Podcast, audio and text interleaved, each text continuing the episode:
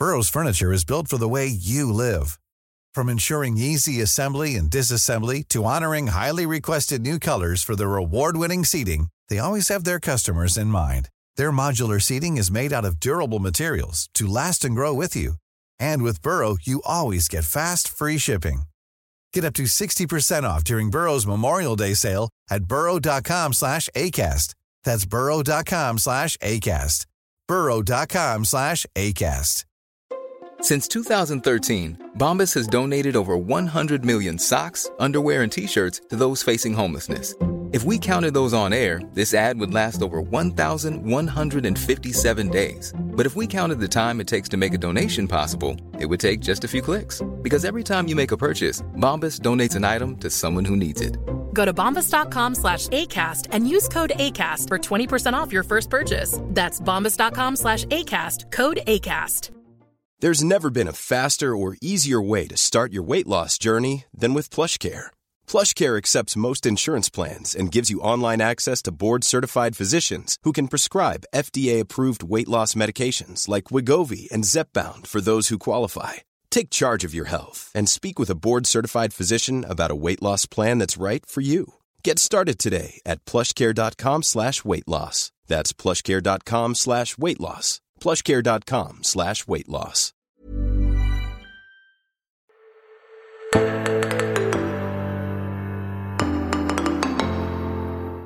I denne ukens eh, episode har jeg, Tarjei Gilje, besøk av Jens Petter Jørgensen. Tor Hjalmar Sævik har begynt sin eh, sommerferie, men jeg sitter her i forbindelse med 40-årsjubileet for oasebevegelsen, som skulle vært eh, feiret storslagent neste uke i Fredrikstad.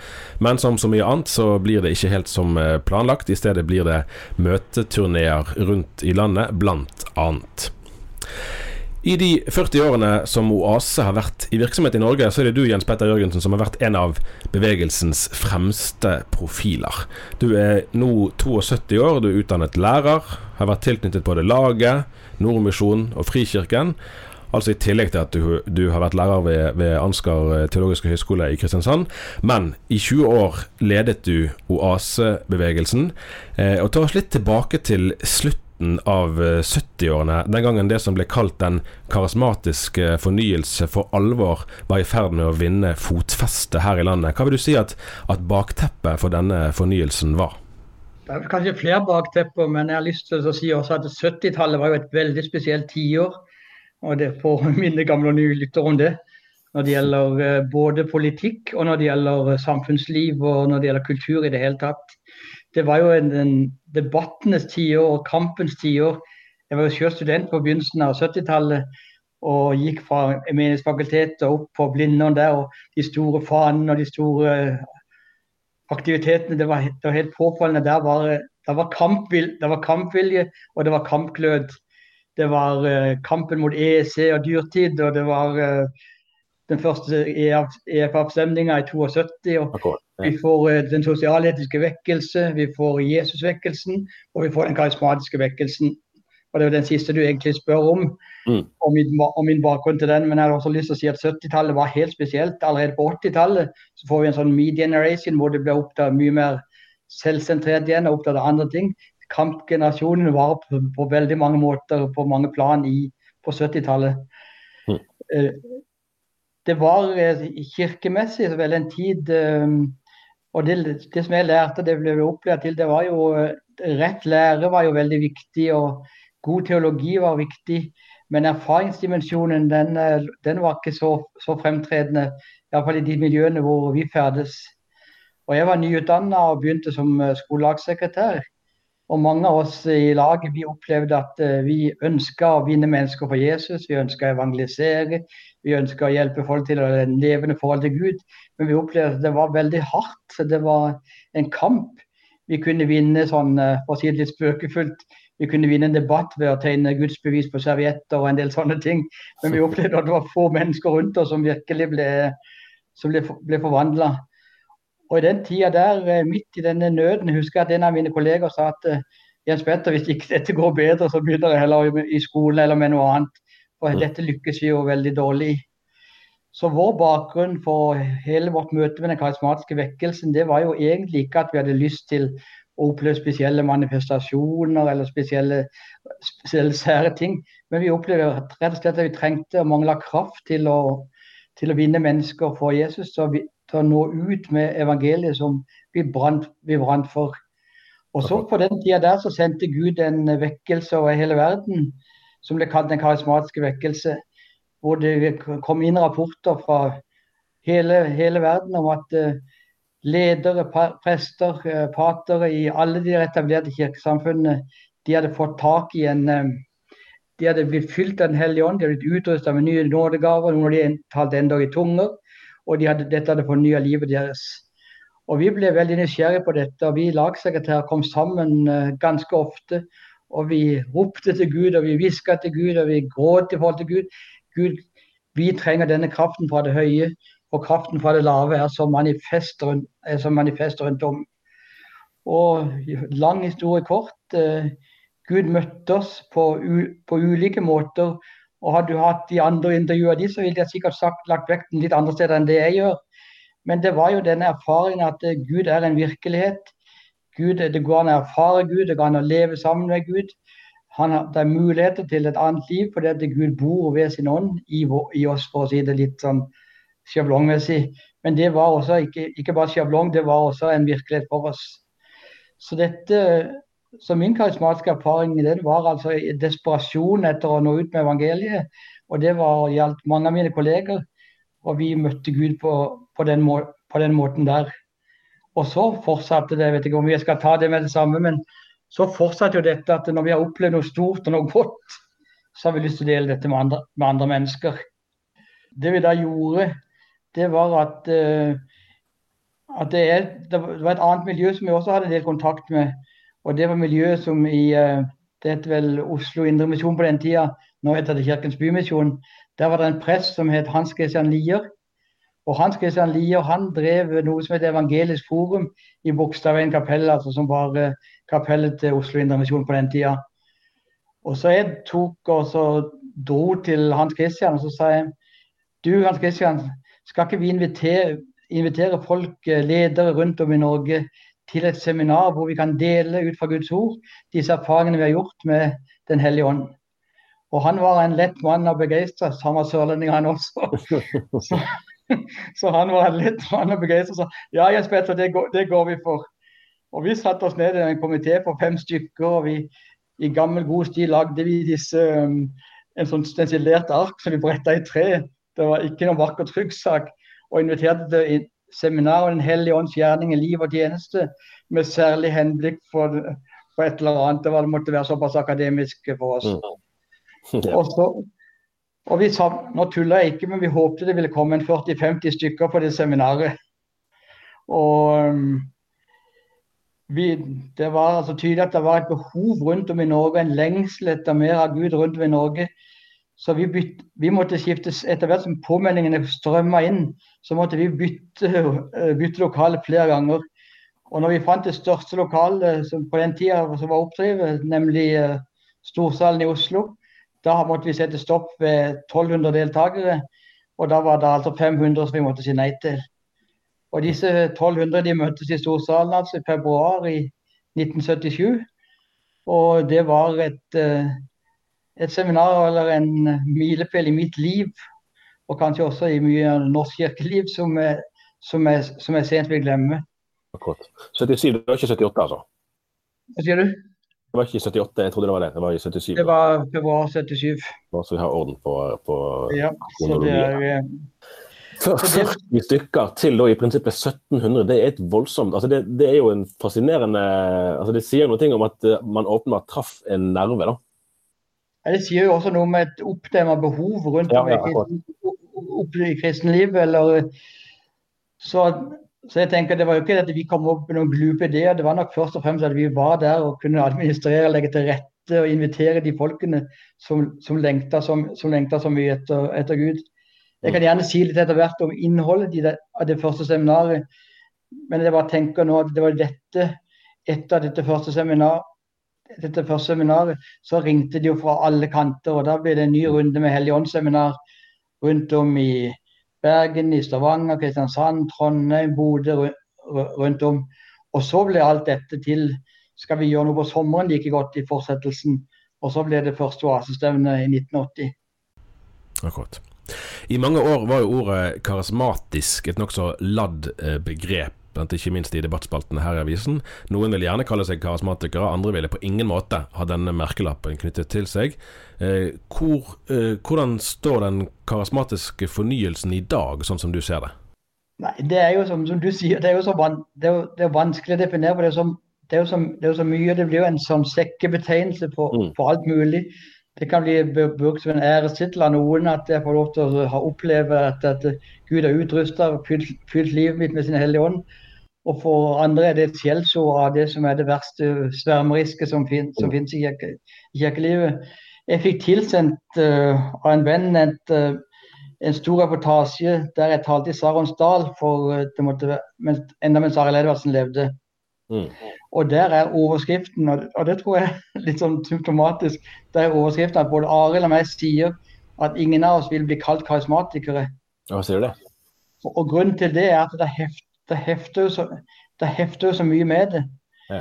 I én forstand så er jo, tenker jeg, ut fra Nytestamentet, så er jo alle karismatikere. Ja, akkurat. Og, men hvis det, hvis det, brukes for å plassere noen i båser, eller for å devaluere en eller annen måte å være kristen på, sånn, så, ja, så, vil jeg være, så vil jeg være fra, frabedt det.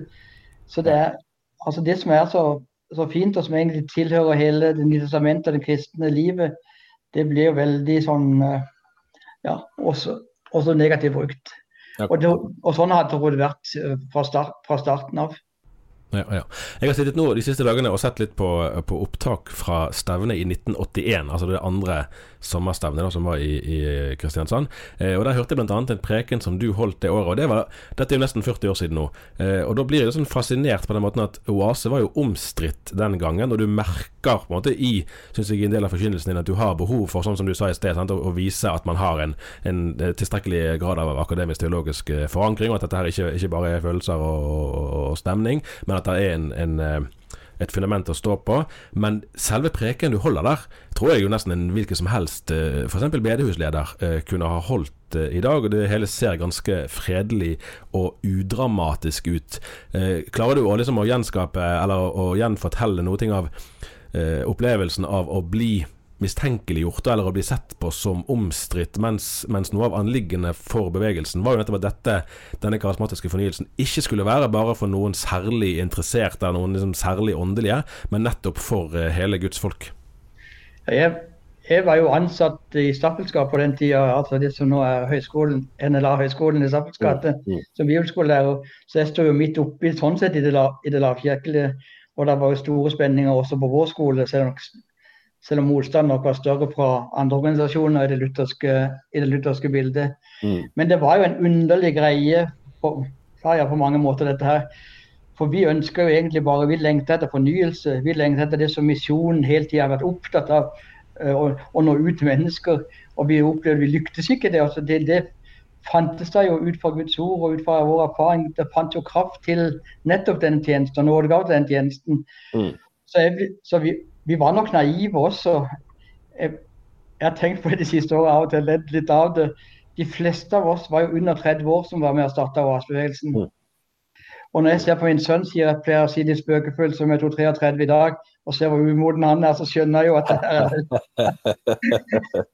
her er det, er jo litt her er det, her er det litt av hvert. Men det jeg skulle si, vi ble jo enormt overraska når våre egne folk, altså da tenker jeg misjonsledere, lavkirkelige misjonsledere, når de betrakter oss som heretikere og svermere og jeg, og vet ikke hva. Og jeg er ikke, ikke, ba, ikke bare er sørlending, men jeg, jeg, er egentlig som type, en sånn litt fred, fredfull type. Og jeg, jeg, er en litt sånn konfliktsky, så jeg, jeg, hater, jeg hater konflikt. Jeg ønsker, jeg ønsker å binde sammen, jeg ønsker å være en samlende person og alt dette her. Og så mm. plutselig hver gang vi hadde hatt et stevne hvor vi hadde opplevd store ting og gode ting, så opplevde vi denne utskjellingen som vi iallfall sånn som vi, vi, opplevde det. Og jeg tenker Det er én ting å bli skjelt ut av å bli advart fra, av folk som står utenfra, men når det på en måte mm. var våre egne, så var det veldig Det var, det var en flott tid. og vi drev jo vi ble drevet av denne bølgen av at Gud ville noe. Vi så hva som skjedde rundt om i Norges land. Men samtidig så var vi jo Det var dobbelt, dette her. Og jeg tror nok at eh, det tok, gikk nok på, på helsa mi løs til slutt. altså når Jeg slutta jo altså etter, eh, etter et kraftig hjerteinfarkt etter 20 år, så var det nok en pris jeg også var med og betalte for alt dette her. Opprinnelig var jo noe av målet å inspirere Den norske kirkes menigheter i en mer karismatisk retning. Det viser seg vel å være vanskeligere enn først antatt? Ja, jeg tror nok at i beste fall så ble vi et akseptert sidespor. Og på en måte sånn at uh, veldig mange, både prester og biskoper, sa at uh, dette kan ha, ha lovsangsgudstjeneste på ettermiddagen og sånt. Men jeg tror problemet var at vi ville aldri komme inn i Den norske kirkes hovedsamling, nemlig, nemlig høymessen, og fikk være med, være med å prege den. Men det var jo uh, De, de første åra var jo hovedtyngden av folket som kom på, kom på Oase, det var jo mennesker som var aktivt med i, i misjonsorganisasjonen og i Den norske kirkes menigheter. Og de dro tilbake igjen begeistra, fornya. Kanskje ble de litt frustrert etter hvert, som de gjorde dette mange ganger, men allikevel så var det det som var hoved, hovedsaken. at her ble ja, de, kom, de kom tilbake fornya. Jeg har også lyst til å si det når du sier at ikke vi nådde inn i Norske kirke, at vi hadde jo en del prestoaser. Ja. Hvor, hvor, prester og ledere fra, i, hovedsakelig fra Den norske kirke vi var 400, med, vi var 400 hvert eneste år som var altså Nå snakker vi om prester og ledere i Den norske kirke. Mm først og fremst.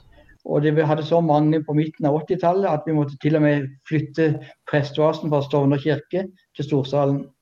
Så sånn sett, eh, der er jo, det er jo, veld, er jo veldig mange rundt om i Den norske kirke som har fått, fått mange impulser. og en del har mange impulser fra dette. her. Men så gjorde vel Oaset uh, på en måte med å bytte. Jeg ser at i dag skriver uh, ledelsen at det offisielt er at vi er en økumenisk bevegelse, og at det ikke først og fremst var det sånn som vi tenkte i utgangspunktet, nemlig at vi ønsker å se våre egne, våre egne menigheter bli fornya. Vi ønsker å se våre egne bedehusforsamlinger fornya. Ja, ja for, for, jeg bare lyst til å, å, gå litt videre på det sporet med Den norske kirke. For der, altså I 1981 så så vi at biskop eh, Erling Utnem er der, biskop Odd Bondevik er der. Eh, og i, nå i de helt i nyere årene så har jo både biskop Reinhardsen Biskop Håkon Andersen var der. Var, ja, riktig. riktig ja. Nå har biskop Reinhardsen i Agder og, og, for noen år tilbake òg Ole Kristian Kvarme fra Oslo vært på oase, sånn i, i forholdsvis eh, nyere tid. Eh, hvordan vil du i dag da eh, evaluere Den norske kirkes eh, mottakelighet for altså Den norske kirke har jo fått kritikk for å ha for å ha endret seg mye i liberal retning i senere år. Hvordan vil du i dag vurdere Den norske kirkes åpenhet eh, for det karismatiske? Nei, jeg tror, jeg tror Kirken eh, det er en helt annen som du sier, det er en helt annen kirkelig situasjon i det hele tatt. Altså, Vi syntes nok det var tøft nok på vår tid, men sånn teologisk sett så er jo kirken et, et, Den norske kirke etter mitt syn da på et helt annet sted enn det var, uh, enn det var, enn det var den gangen. Mm. Men jeg tror jo også uh, at når, Oase liksom ikke på en måte har gjort det valget at de vil nå har, Unnskyld, det vi tenker, la meg begynne på nytt igjen.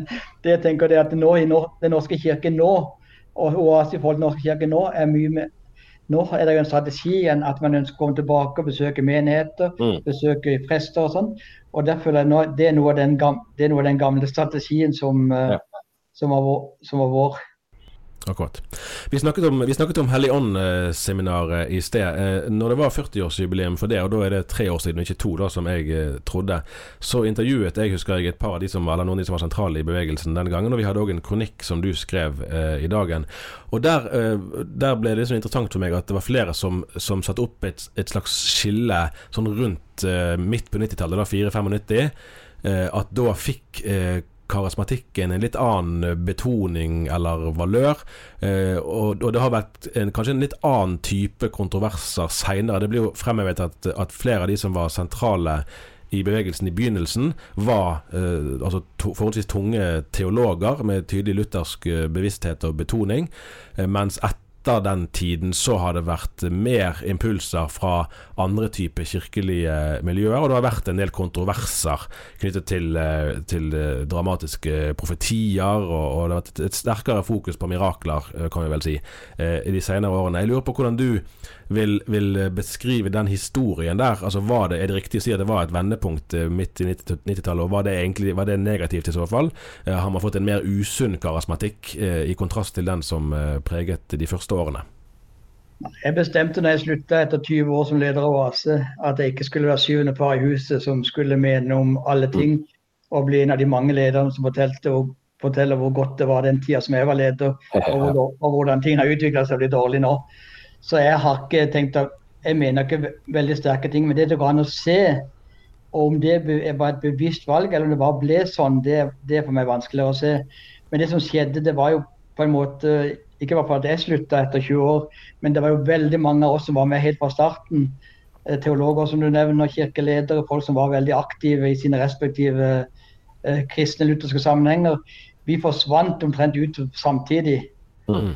Og så ble det, så, så, så ble det veld, veldig annerledes. Og det ble jo til og med satt navn på at det skulle være en, eh, en faceless eh, en ansiktsløs vekkelse. Og nå ble det mye mer altså Det som jeg, som jeg skrev i den kronikken også, som var min anklage mot oss, det var jo at jeg syntes at den Faren med den utviklingen var at det, det ble mindre og mindre overføringsverdi til det etablerte uh, kristenliv. Å komme på oss og delta på oss. Veien tilbake til vanlig kristenliv som de fleste av oss lever, det var vanskelig. Og så, så har det vært uheldige ting som vi har lest om i avisene, og ting som vel oaseledelsen har beklaga. Men det var der også i vår tid. Vi hadde også, vi hadde også ting. Men jeg tenker hovedforskjellen var jo at vi det, det er muligens det aller mest frimodige i laget, at vi var jo stort sett talere sjøl. Mm. Altså Vi som hadde fått dette her, vi var jo bærere. Og så inviterte vi en og annen gjestetaler til oss å komme ja. og tale og til å berike dette. Det som har skjedd etterpå, det vil være mye mer at det er eh, satt litt på spissen at det er gjestetalerne i, i, stor grad som har, som har preget stevnene. Mm, mm. Og de har tatt med seg forskjellige ting. Og Hvis en da ikke har noen kirkelig strategi eller bevisst en strategi på at dette skal være til hjelp for frikirkemenighetene, for misjonskirkemenighetene, for bedehusforsamlingene, men at det her det, skal vi ta hva, hva, som, hva Gud gjør rundt i verden, og få et smak av det, så blir det jo liksom to forskjellige strategier. Men jeg gjentar at jeg ser at det som nå den uh, nyledelsen av Øyvind Arnevåg og de andre står for, det er jo at de ønsker nå virkelig kontakt med Den norske kirke igjen, og mm. med menigheter, og ønsker å lage dager og seminarer rundt om. Og det er uh, den gamle linja, om du vil. Jeg vet ikke ja, om det er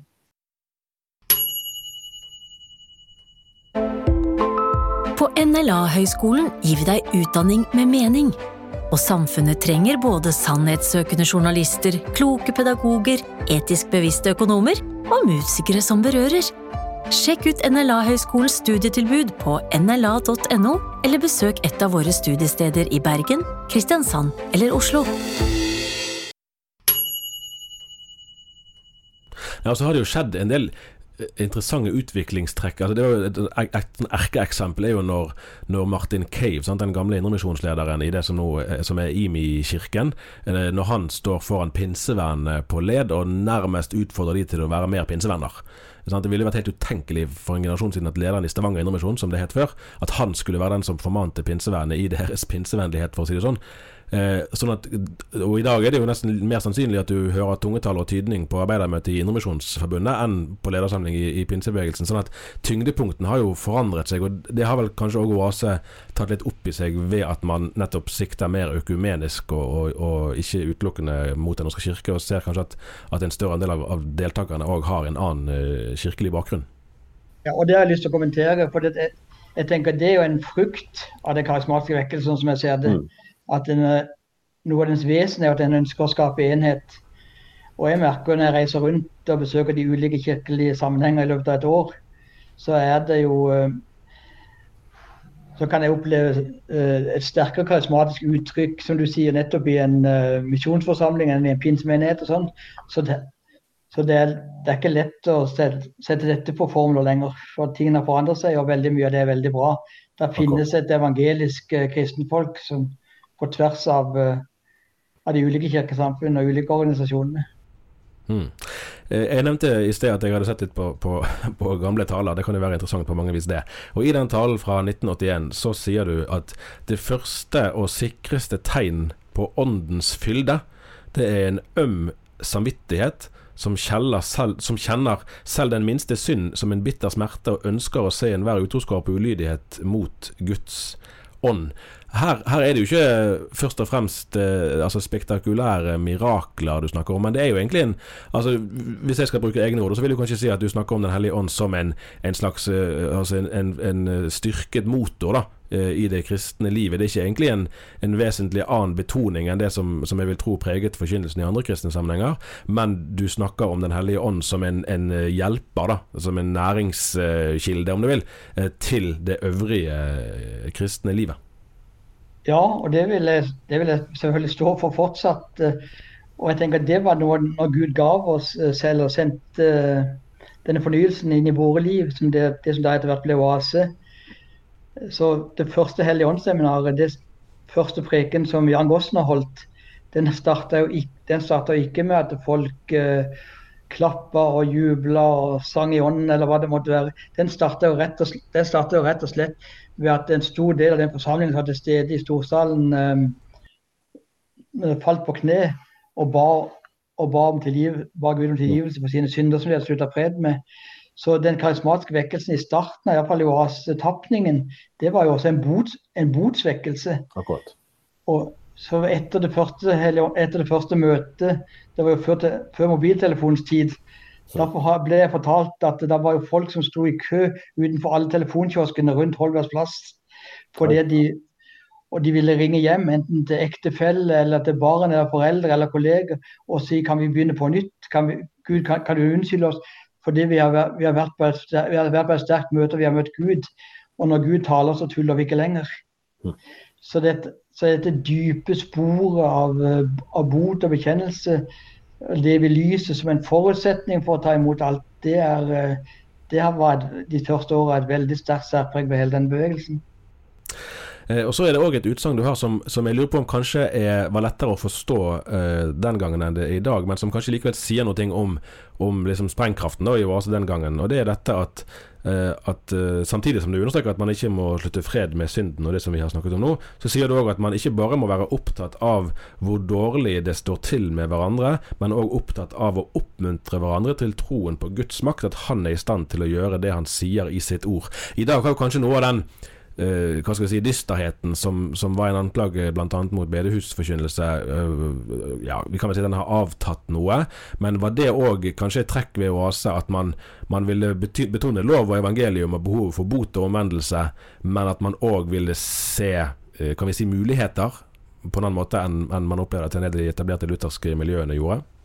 Ja, absolutt. Det var, det var jo å løfte fram egentlig hvem, hvem, vi er i Kristus og alt det vi har i Kristus, som var hele poenget meg sjøl og en del andre hadde jo vært på tilstrekkelig mange bedehusmøter hvor det var eller uh, møter i det hele tatt hvor det var et kappløp i hvem som var dårligst og hvor, hvor uselt det var.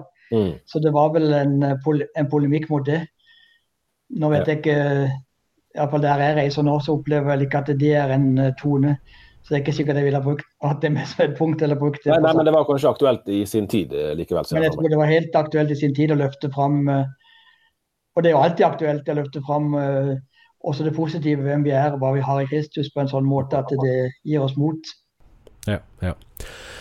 Vi har snakket om at det har skjedd mye i den, for så vidt både kirkelige sammenhenger og i samfunnet for øvrig i løpet av de 40 årene som er gått. Sant? Og Det er vel riktig å si, tror jeg i hvert fall, at, at karismatisk kristendom i dag virker det for meg som at den blir lettere mistenkeliggjort, og den har vel kanskje utviklet seg i en retning som da kanskje noen ganger er lettere å mistenkeliggjøre. Eh, så jeg lurer på hvordan du, hvordan du eh, vurderer den karismatiske fornyelsens eh, fremtidsutsikter i den Og jeg mener ikke bare Den norske kirke, og heller ikke egentlig bare Oase, men utsiktene for, for den karismatiske fornyelsen i norske samfunnet i tiden fremover, gitt den situasjonen vi har i dag?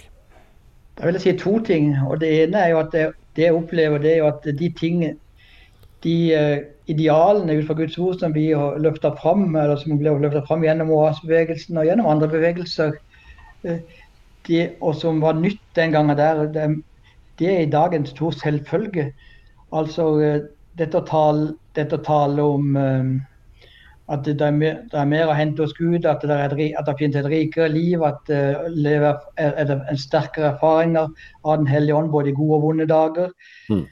Lovsangen, tilbedelsen, henvendelsen til Gud, for, forbønnen, i, forbønnen, i, forbønnen i, møt, i møtene, eh, nådegavebruken.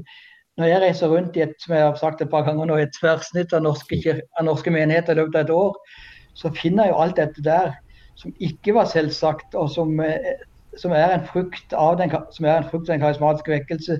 Så i en forstand, eh, når en igjen er det farlig som å si at karismatikk er det dette ytterliggående, dette, de, dette, dette, som er på den ene sida. Det finnes jo veldig mye sånn som jeg vil definere ordet karismatikk i god forstand, det finnes jo veldig mye god karismatikk i veldig mange sammenhenger. Mm. Også innenfor Den norske kirke og forsamlinger og organisasjoner der, og i frikirkene. Så på en måte kan du si at eh, vi nådde ikke inn til høymessa i Den norske kirke, men i veldig mange sammenhenger. På alle, ungdom, alle ungdomskonferansene, om de heter krikk eller hva det heter, så synges det lovsang, det er anledning til forbønn. Der er, en, der er en forkynnelse som taler om det dypere liv med, med Gud og all, og all dette her erfaringen som, som, er, som er viktig. Men så er det jo eh, med, alle ting at det er lett for å bli eh, når karismatikken blir et mål i seg selv, så må det jo bli noe som er stadig sterkere. Og da mm. blir det ofte mer verre. altså Hvis ikke dette hensikten er å, å drive at nei, eh, karismatikkens mål er, eh, er, misjon og diakoni, så blir det jo lett en sånn selvopptatt greie. Da må en ha stadig sterkere ting og oppleve mer og mer bizarre, ofte bisarre ting. og det, det er jo en uheldig utvikling. og det er jo jeg, jeg, tror ikke vi har så veldig mye av det sånn som jeg ser det i, det, i landet, men det er jo en surdel som lett kan komme inn, og som en må passe på. Og jeg tenker Det vi holder det borte med, det er at vi er opptatt av at det er Jesus som er, som er hovedsaken. Det er fellesskap med han, det er det han er, det er det han har gjort. Det er det det må fokusere om, og det å bringe han videre som er hovedsaken. Da tenker jeg at karismatikken vil holde seg på, på veien. Akkurat, akkurat. Vi får la det være den avslutningsvise oppfordringen, Jens Petter Jørgensen. Mange takk for praten.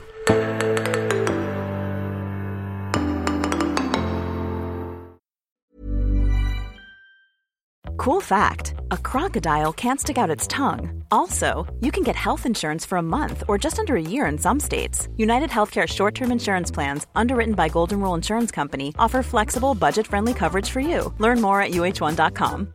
Hi, I'm Daniel, founder of Pretty Litter. Cats and cat owners deserve better than any old fashioned litter. That's why I teamed up with scientists and veterinarians to create Pretty Litter. Its innovative crystal formula has superior odor control and weighs up to 80% less than clay litter. Pretty Litter even monitors health by changing colors to help detect early signs of potential illness. It's the world's smartest kitty litter. Go to prettylitter.com and use code ACAST for 20% off your first order and a free cat toy. Terms and conditions apply. See site for details. Hey, it's Paige DeSorbo from Giggly Squad. High quality fashion without the price tag? Say hello to Quince. I'm snagging high end essentials like cozy cashmere sweaters, sleek leather jackets, fine jewelry, and so much more. With Quince being 50 to 80% less than similar brands. And they partner with factories that prioritize safe, ethical, and responsible manufacturing. I love that. Luxury quality within reach. Go to quince.com slash style to get free shipping and 365 day returns on your next order. Quince.com slash style.